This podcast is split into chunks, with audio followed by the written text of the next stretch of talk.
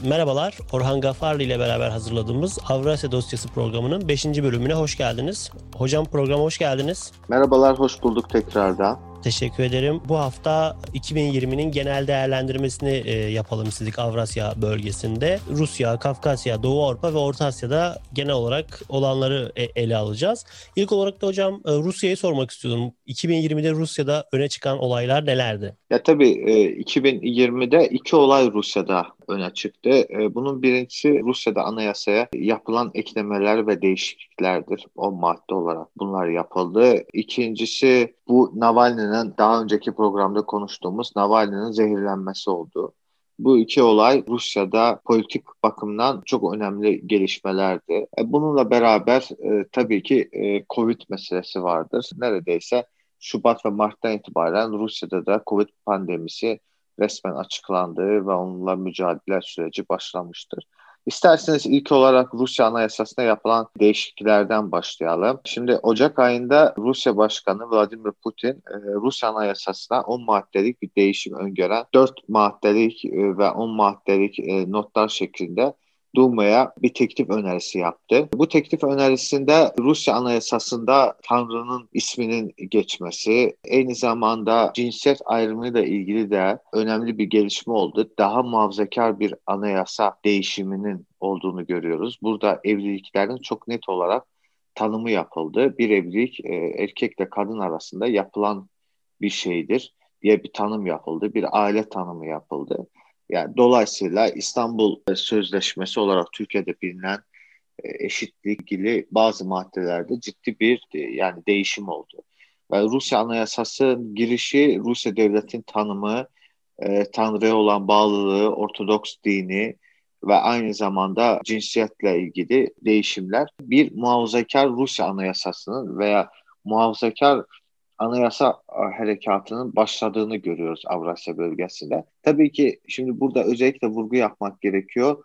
Anglo-Sakson dünyadaki muhafazakar anayasayla Avrasya bölgesindeki muhafazakar anayasa kavramları arasında da değişim, e, değişiklikler söz konusudur. Avrasya'daki e, Avrasya bölgesinde ister Doğu Avrupa'da olsun ister Kafkasya'da ister Orta Asya'da muhafazakar anayasa dediğimiz zaman daha güçlü devlet, aile değerlerini savunan, e, dini değerlerini savunan bir anayasadan bahsediyoruz. İşte Rusya bu değişimi yaptı. E, Covid pandemisinden dolayı Nisan'da yapılması gereken referandum e, yani Haziran'a e, Haziran'a geçirildi ve Haziran'da bu e, seçimler yapıldı ve Rusya Anayasası'na yeni değişiklikler yapıldı ve anayasanın giriş kısmı ve e, evliliklerle ilgili madde ve diğer maddelerde değişiklikler oldu. Daha sonra ise en son işte Kasım ayında Rusya başkanının emeklilikten sonraki e, hayatıyla ilgili değişimleri öngören e, maddelerde bunlar da Duma'dan geçmiş sayıldı. E, bu maddelerde Rusya Başkanı dokunulmazlığı bir ömür oluyor. Artı bir ömürlük senato üyesi ve Rusya Güvenlik Konseyi'nin e, üyesi olabiliyor. Yani bütün bu maddeler hem Putin'i, Putin sonrası güvencesi sağlanmış oldu ve anayasa değişiklikleriyle de Rusya'nın muhafazakar bir dış politika konseptinin olduğunu, e, bunu açık ilanı oldu. Yani benzer bir şey Rusya'da 1. Nikolay zamanı 1825'te iktidara geldiği zaman yapılmıştı. Benzer bir muhafazakar dış politika ideolojisi ve konsepti ortaya koymuş ve o icra edilmiştir. Hem eğitimde hem hayatta hem sanatta hem siyasi ilişkilerde bu muhafazakarlık öne çıkarılmıştı. Bu çok önemli bir gelişmeydi. Özellikle muhafazakarlığı takip eden, muhafazakar düşünce üzerine çalışan insanlar için bence Rusya e, anayasası çalışılması gereken örneklerden olmaktadır. Peki şimdi biraz daha aşağı inelim. Kafkasya bölgesinde 2020 yılında öne çıkan olaylar nelerdi peki hocam? Ya Kafkasya bölgesinde seçimler oldu. Hem Gürcistan'da hem Azerbaycan'da. İlk Azerbaycan'da seçimler oldu ve Azerbaycan parlamentosuna yılın başında e, yenilenmiş oldu. Yeni genç simalar parlamentoya girdi. Bu Azerbaycan'da özellikle alternatif respublika, alternatif cumhuriyet olarak bilinen e, başında hareket sonra parti olarak e, kaydını yaptıran bu yeni genç nesil,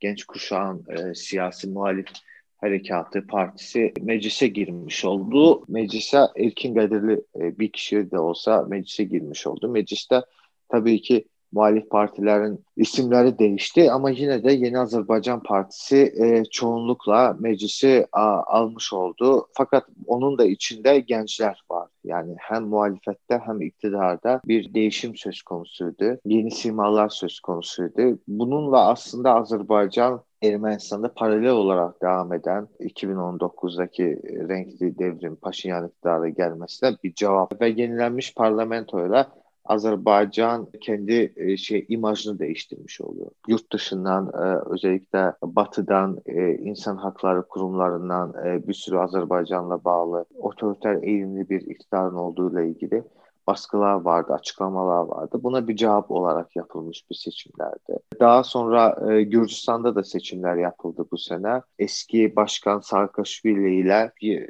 Gürcistan hayali olan bir e, siyasi parti arasında e, güçlü bir rekabet olduğu ve seçimlerde yine de Gürcü hayali seçimleri kazanmış olduğu ve Sarkaşvili ülkeye dönemedi. Gürcistan'a dönemedi. Çünkü Sarkaşvili'nin hayali seçimlerden sonra e, Gürcistan'a dönmek ve yeni hükümeti oluşturmaktır. Hatırlatmak isterim ki Sarkaşvili neredeyse 8 sene 7 senedir ki Gürcistan'dan e, çıkmış ve Ukrayna'da siyaset yapıyor. Şu anda Ukrayna'da Cumhurbaşkanı'nın yolsuzluklar ve reformla mücadele, mücadele yapması için başkan yardımcısıdır. Daha önce de Odessa'nın valisi oldu ve aynı zamanda Poroshenko ile çalıştı.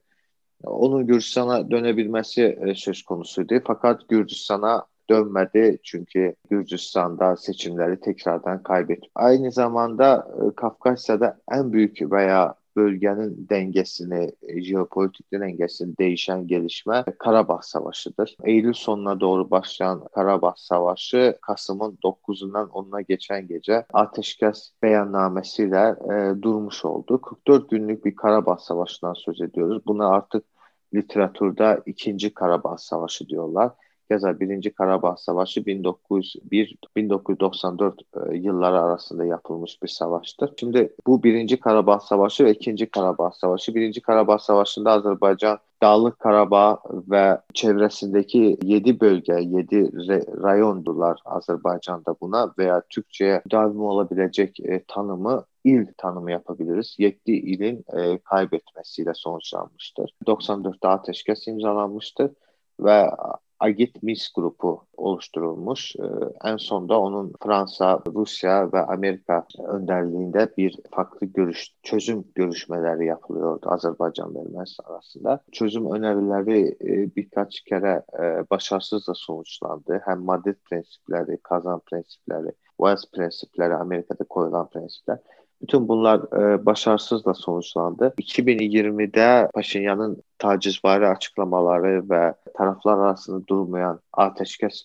bozulma olaylarından sonra bu savaş patladı, ani şekilde patladı ve Azerbaycan Dağlık Karabağ çevresindeki 7 rayonu geri almış oldu ve Azerbaycanla Ermenistan arasında Sovyet, Sovyetler Birliği zamanı çizilen sınırlar tekrardan çizilmeye başladı. Bununla beraber çok önemli bir gelişme Dağlık Karabağ'a Rus barış gücünün, Rusya'nın barış gücünün yerleşmesi oldu. Çok önemli bir gelişmeydi çünkü 1991'den itibaren Azerbaycan Rus ordusunun Azerbaycan'dan çıkmasını talep etmişti o, o zamanki İçbey yönetimi. Pardon 93'ten itibaren çıkmasını talep etmişti ve hem Hazar Denizi'ndeki donanması hem Karabağ'daki Dağlık Karabağ'daki birlikleri e, tamamen Azerbaycan'ı terk etmiştir. Ve tekrardan biz e, Rus barış gücü, Rus ordusunun barış gücü altında Dağlık Karabağ'a döndüğünü görüyoruz. Dağlık Karabağ'da ateşkesin oradaki Ermeni anklavın güvenliğini sağlamak için Rus barış gücü orada bulunmaktadır ve o Rus barış gücü Dağlık Karabağ sınırları sınırlarında ateşkesi, barışı sağlamaya çalışıyor. Zaten 5 yıllık bir bulunma bulunması söz konusudur hər 5 ildən bir e, tərəflərin e, etirazı olmazsa 5 il daha rus barış gücü bölgədə buluna biləcək. Digər önəmli e, gəlişmə Türkiyənin Azərbaycanla birlikdə Dağlıq Qarabağdakı barışı gözləmləmək üçün gözləm noktası qurmasıdır. 100-ə yaxın Türk askəri e, yanılmıyorumsa Bərdədə e, Dağlıq Qarabağ, Dağlıq Qarabağ yaxın olan bölgədə askeri görev yapacak. Türkiye, Azerbaycan ve Türkiye, Rusya koordineli şekilde bölgede e, barışı, istikrarı gözlemlemiş olacaklar. Bu Güney Kafkasya için e, çok önemli bir gelişmedir. 100 yıl sonra e, Türk askeri hem gözlemci olarak bölgeye girdi. 30 yıl sonra da Rus barış gücü tekrardan Dağlı Karabağ'a gelmiş oldu. Yani bölgenin ciddi bir şekilde 30 yıllık oluşmuş dengesi değişmiş oldu. Bunun için de artık bölgede farklı bir konjonktürün söz konusu olduğunu ve bundan sonra bölgedeki gelişmeleri artık hem Türk-Rus işbirliğinin önemli bakımından okuyacağız hem de bölgede Azerbaycan ve Ermenistan'ın e, bu barış sürecini istikrarlı bir şekilde yürütüp yürütemeyeceği üzerinden okuyacağız. Genel bir çerçeve oldu e, Kafkasya'ya dair. Peki bu sene Orta Asya bölgesinde yaşanan önemli gelişmeler diye sorsam neler söyleyebilirsiniz? Orta Asya'da en önemli gelişme Kırgızistan'da yapılan parlamento seçimleriydi. Şimdi Kırgızistan Orta Asya'nın e, siyasal dilinde demokrasi adası olarak bilinen bir ülkedir. Bu ülkede sürekli renkli devrimler, başkanları devrilirler, parlamentolar, erken seçimler yapılır e, ve hatta sivil şekilde e, devir teslim süreci bile olmuştur Kırgızistan'da. İlk renkli devrimi 2005'te oldu. Sonra 2010'da tekrardan Bakiyev'i devirdiler. 2011'de ise Almazbek Atambayev Cumhurbaşkanlığını bir sivil şekilde başka, yeni seçilmiş başkana devirmiş oldu. Fakat bu sene yapılan seçimlerde taraflar arasında e, ciddi sorunlar ortaya çıktı. E, bu sorunların 4 Ekim'de yapıldı bu seçimler onu not edelim. Bunun nedeni muhalif partilerin baraj aşarak e, parlamentoya girememesi e, büyük bir itiraz doğurdu. Ve bu itiraz sonucunda muhalif gösteriler başladı sokaklarda ve burada iktidar yanlı olan partilerin meclise geçmeyi, geçmesinden dolayı tekrardan seçimlerin yapılması talep edildi. Cem Bekov, Cem Bekov e, mevcut başkan muhalifle diyaloga diyaloga hazır olduğunu ve eski başkan Atambayev'in hapisten e, göstericilerin çıkarması gibi önemli gelişmeler oldu. Tabii Kırgızistan'da bu kuzey-güney olarak kavgası olarak okunuyor. Güney bölgeler Orş, Cellabad, Batkent, kuzey ise Bişkek, Narın, Talas, Göl gibi eyaletlerdir. Bu eyaletler arasında sürekli iktidarın bir kavgası vardır. İktidar kavgası. Kuzeyliler Güneylilerle de beraber yönetirler. Bazen Güneyliler Kuzeylileri tamamen dışlarlar. Böyle bir klanlar arası mı desek, bölgeler arası bir rekabet, güney-kuzey rekabeti Kırgızistan'da. Birçok uzmana göre de bu sene bu rekabetin bir daha göstermiş oldu. Bu rekabeti bir daha açık şekilde görmüş olduk. Atambayev'le mevcut başkan arasında veya parlamentoda daha çok mesela diyelim güney bölgeden partilerin girmesi kuzeyi rahatsız etti ve gösteriler başladı. Yani Kırgızistan açısından bu e, bunu söyleyebilirim. En önemli gelişme Kırgızistan'da işte bu olayların tekrardan yaşanmasıdır. Siyasi bir istikrarsızlığın ortaya çıkmasıdır. Fakat bir diyalog vardır ve taraflar bu sorunları çözmeye çalışıyorlar. Anladım hocam. Son olarak da Avrupa'ya doğru Doğu Avrupa'yı soracağım tabii ki. Doğu Avrupa'da yaşanan gelişmeler neydi diye sorup Avrasya'daki tüm gelişmeleri ele almış olacağız böylece. Doğu Avrupa'da da en önemli gelişme seçimlerle ilgilidir. 9 Ağustos'ta Belarus'ta Cumhurbaşkanlık seçimleri yapıldı ve resmi verilere göre Alexander Lukashenko tekrardan Belarusya'nın başkanı seçilmiş oldu. Ukrayna'da bu itirazlar, e, Belarusya'da bu Belarus'ta bu itirazlara neden oldu. Özellikle mevcut başkan Lukashenko'nun karşısına Maria Tikhanovskaya e, bir kadın aday gösterilmişti. Bu kadın aday da aslında eşi, blogger eşi Sergey'in hapiste olmasından dolayı tepki olarak, itiraz olarak adaylığını ortaya koymuştu. Fakat sonradan Belarusya'nın muhalif bir liderine dönüştü. Ve bu şekilde Belarusya'da olaylar gelişmeye başladı ve seçimden sonra muhalifler her hafta sonu başkentte gösteriler yapmaya başladı ve bu gösteriler neredeyse 3 ay devam etti. Fakat kışın çok sert geçmesinden dolayı biz bu gösterilerin azaldığını, çok küçük şekilde baş tuttuğunu, şu anda devam ettiğini söyleyebiliriz. Zaten Maria Tikhanovskaya da Belarusya'dan baskılardan dolayı çıktı ve Litvanya Litvanya'ya yerleşti Maria Tikhanovskaya ve neredeyse muhalif harekatı oradan yönetiyor. Dünya kamuoyunu da özellikle Batı ülkelerde Maria Tikhanovska'nın meşru başkan olduğunu bir kez kere açıkladılar ve Belarusya mevcut başkanı Lukashenko'yu meşru görmediklerini söylediler.